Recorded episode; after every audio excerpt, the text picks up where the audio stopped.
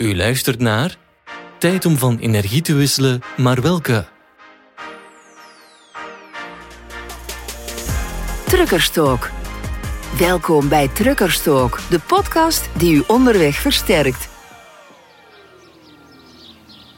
In 2019 heeft de Europese Unie zich ertoe verbonden haar broeikasgasemissies tegen 2030 met 55% te verminderen. En tegen 2050 het eerste continent te worden dat koolstofneutraal is. Het rechtstreekse gevolg daarvan is dat transporteurs naar duurzame mobiliteit moeten gaan. Om het over deze belangrijke ontwikkeling te hebben, spraken wij met Gaëtan Jolivet, directeur van het familievoersbedrijf Jolival, en Michael Fedouche, eigenaar van Wave Transport, een jong Parijs bedrijf gespecialiseerd in ecologische lijstmaalbezorging. La Pomeraille, een klein stadje in het westen van Frankrijk, is de hoofdzetel van de vervoersmaatschappij Jolival. Op de daken van de gebouwen kijken rijen zonnepanelen naar de hemel. Op enkele meters van de receptie blaten een paar schapen. Zij vervangen de grasmaaiers en zorgen voor ecologische begrazing van de groene ruimte van het bedrijf. Gaëtan Jolivet, 41, leidt sinds 11 jaar het transport- en logistiekbedrijf dat door zijn grootvader werd opgericht. Hij verwelkomt ons geamuseerd. Vous avez vu et entendu. On ne fait pas les choses à moitié chez Jolival. Je hebt het gezien en gehoord dat wij bij Jolival geen half werk leveren. Als je je inzet voor het milieu, ga je tot het uiterste. De energietransmissie is voor ons geen loze kreet. Jolival was oorspronkelijk gespecialiseerd in het vervoer van partijen, maar is uitgegroeid tot een vervoerder met meerdere activiteiten. Het bedrijf is nu actief in de bouw, de industrie, de textielsector, de landbouw en zelfs de pluimveesector. Het bedrijf heeft 195 werknemers, waaronder 155 chauffeurs. Meer dan de helft van de 120 voertuigen van de vervoerder is uitgerust met een laadklep. En een laadklep betekent leveringen in de winkel, vooral in stadcentra. Comme pour nos activités, on a panaché notre flotte. Elle est constituée à 60% de DAF. Net als bij onze activiteiten hebben we onze vloot gemengd, zegt Gaëtan. Deze bestaat uit 60% DAF, 20% Mercedes en er is Scania MAN en Renault Trucks. Scania is er ook steeds meer bij omdat wij vier jaar geleden voor biogas hebben gekozen. Tegen eind 2022 zullen er 14 vrachtwagens op biogas rijden. Dit vertegenwoordigt meer dan 10% van onze vloot. En we hebben net vier Renault Trucks B100 gekocht, toegewezen aan de lange zones. Zoals u kunt zien heeft de wagenparkbeheerder besloten te investeren in biogas als alternatieve energiebron. En het is een weloverwogen keuze. Gaëtan heeft de tijd genomen om alle mogelijkheden die momenteel worden aangeboden uit te zoeken. Als ik een energiebron kies, wil ik weten waar ze vandaan komt, de impact ervan vergelijken en ik kan niet oordelen als ik ze niet test. Voordat je kiest, moet ook rekening worden gehouden met de kosten van energie, het voertuig en de ecologische waarde. Gaëtan stelt een vergelijkend schema op van de CO2-uitstoot van de verschillende energieaanbiedingen voor vrachtwagens, gepubliceerd door het Frans Agentschap voor Milieu en Energiebeheer. ADEME. J'ai écarté le biocarburant XTL à ce stade, car il est 25% plus cher. Ik heb XTL biobrandstof in dit stadium uitgesloten, omdat die 25% duurder is. Maar mijn hele vloot is nu compatibel. Voorlopig ga ik niet helemaal voor de B100, omdat ik hem al wil testen. Ik ben een beetje verdeeld over de koolzaadoogst, hoeveel ton oliehoudende zaad er nodig is om de vloot te voeden. Waar komen de planten vandaan? Op dit moment rollen mijn B100's op diesel. Dit verplicht me tot niets. Als het me morgen niet meer bevalt, stop ik. En revanche, je n'adhère pas du tout au GNL, qui est le gaz naturel liquéfié. Ik ben echter helemaal geen voorstander van LNG, vloeibaar aardgas. Ik heb nooit begrepen waarom we naar deze energie konden gaan. Op de energievergelijkingsgrafiek van ADEM kunnen we zien dat LNG slechter is dan diesel. Hij komt van de andere kant van de wereld per boot. En voor de distributie is het een ramp. De bestuurder is verkleed als een astronaut om te tanken. Ik doe een beetje CNG, gecomprimeerd aardgas. Ik heb geen andere keus, want ik heb niet genoeg biogasstations. En wat denkt onze beheerder van elektriciteit? Ce qui me gêne le plus avec l'électrique, c'est qu'il ne provient pas d'une énergie renouvelable. Wat me het meest stoort aan elektrisch is dat het niet van een hernieuwbare energiebron komt. En wat doen we met de batterij aan het eind van een leven? Elektriciteit zal morgen duidelijk niet de schoonste en goedkoopste energie zijn. In Nanterre leidt Michael Fadouche, 37 jaar, het longenbedrijf Wave Transport. Het werd opgericht in april 2020, midden in de lockdown, om te voldoen aan de onmiddellijke behoeften van thuisbezorgers. De aannemer heeft gekozen voor elektrische voertuigen voor zijn vloot van zes M3-bestelwagens. On ne peut pas exactement parler de basculement vers une nouvelle énergie euh, pour nous. Euh, mais plus We kunnen niet echt spreken van een overstap naar nieuwe energie voor ons, maar meer van het anticiperen op de markt om veroudering te voorkomen. Wij zijn ons bedrijf op een heel eenvoudige manier begonnen met twee zelfstandige bezorgers die een voertuig met brandstofmotor hadden. Vervolgens hebben we een aantal bestelwagens met verbrandingsmotor gekocht. We konden het ons niet veroorloven om onze eigen elektrische voertuigen te kopen. We stelden vast dat de meeste aanbestedingen groen begonnen te worden. We onderzochten de verschillende alternatieve energieën. We hebben geaarzeld tussen waterstof, gas en elektriciteit.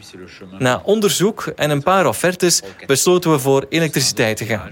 Vandaag gaan we die kant op, maar misschien is er over drie of vier jaar weer een verschuiving naar een andere energiebron. Daarom hebben wij gekozen voor lange termijn leasing voor het grootste deel van onze vloot.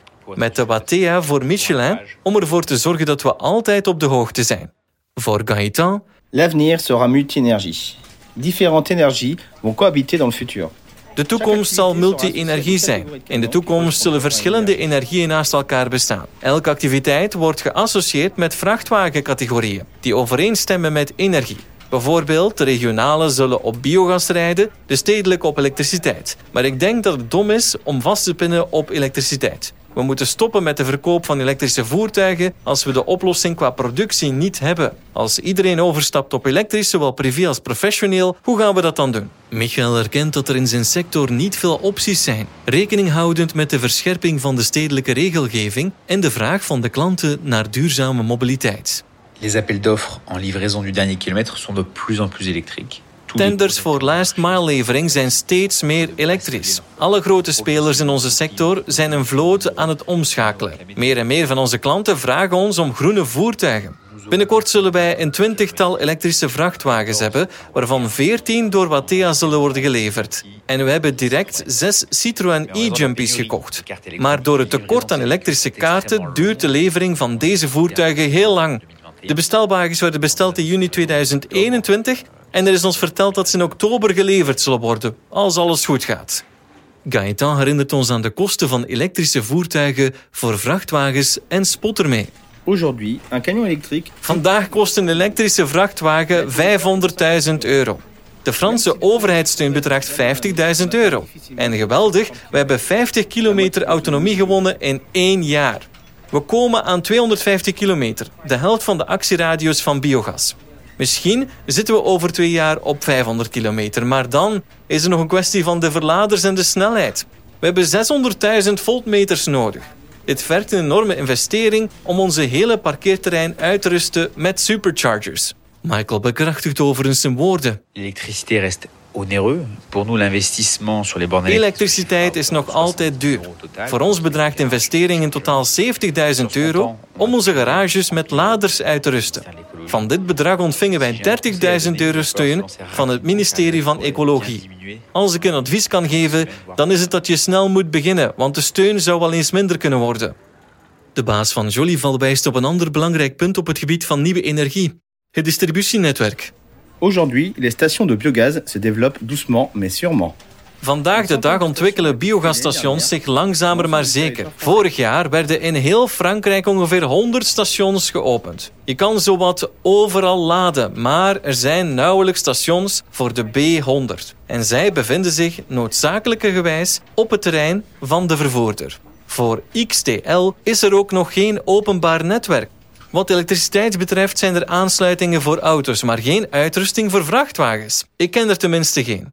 Om zijn vrachtwagens van biogas te voorzien, aarzelde Gaetan niet om te investeren in de bouw van een methanisator en een openbaar biogasstation dat in zijn gemeente werd gebouwd. J'ai fait le choix d'être actionnaire pour sécuriser cette énergie. Ik heb ervoor gekozen om aandeelhouder te worden en deze energie veilig te stellen, omdat 10% van mijn wagenpark hier voortaan mee rijdt. Ik zal een station naast mijn vestiging kunnen krijgen, maar ook een onderhandelde prijs over vijf jaar. Ik wil geen volatiliteit op de brandstofprijzen. Voor een transporteur is dit gewoon een zegen. En daarbovenop hebben we de zekerheid van lokale productie. We zullen heel voorzichtig zijn met het gebruik van afval. Voor elektrische bestelwagens verklaart Michael Une recharge est nécessaire tous les deux jours à Paris et l'approche banlieue. Een oplaadbeurt is om de twee dagen nodig in Parijs. En de voorsteden met een gemiddelde van 100 km per dag. In de provincies zitten we meer op 150 tot 200 km per dag. Dat betekent één keer per dag laden. Gaëtan dringt aan. Pour l'instant, je vais continuer à investir sur le biogaz. Voorlopig blijf ik investeren in biogas. Er zal altijd koeienmest en voedselafval zijn, in tegenstelling tot aardolie. Een korte uitleg van de nieuwkomers. Biogas wordt op natuurlijke wijze geproduceerd door de fermentatie van vele organische materialen, zowel dierlijke als plantaardige.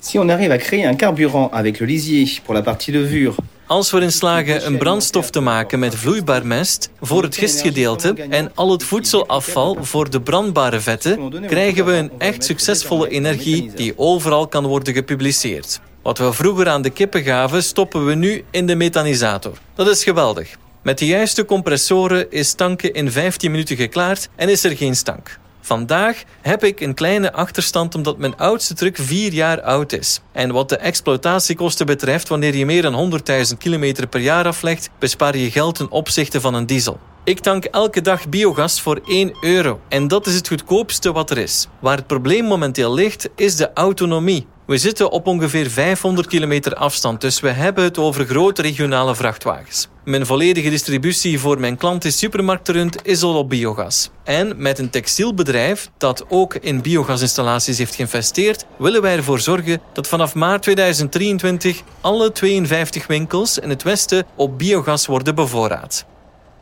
Gaëtan erkent wel dat je suis bien conscient que cette énergie ik ben er me helemaal van bewust dat deze alternatieve energie niet alle behoeften zal voorzien. Er zullen niet genoeg methanisators zijn. Voordat we vertrekken nog een laatste vraag aan onze twee wagenparkbeheerders. Wat vinden de bestuurders van de hoofdrolspelers in het dagelijkse leven van deze voertuigverandering? Nous avons bien sûr We hebben onze chauffeurs uiteraard opgeleid, reageert Michael. Een elektrische bestelwagen wordt niet op dezelfde manier bestuurd als een voertuig met verbrandingsmotor. De batterij moet gespaard worden. Maar dankzij data en een toepassing van Wattea kan de bestuurder de autonomie van zijn bestelwagen beheren. De chauffeurs rijden graag met deze nieuwe trucks, voegt Gaëtan eraan toe. Zij vinden er echt la belang in, omdat zij gevoelig zijn voor de ecologische dimensie. Michael, een filosoof, concludeert Wij zijn ons bewust van de ecologische voetafdruk van ons bedrijf. En daarom zetten wij ons in voor het gebruik van milieuvriendelijke transportmiddelen.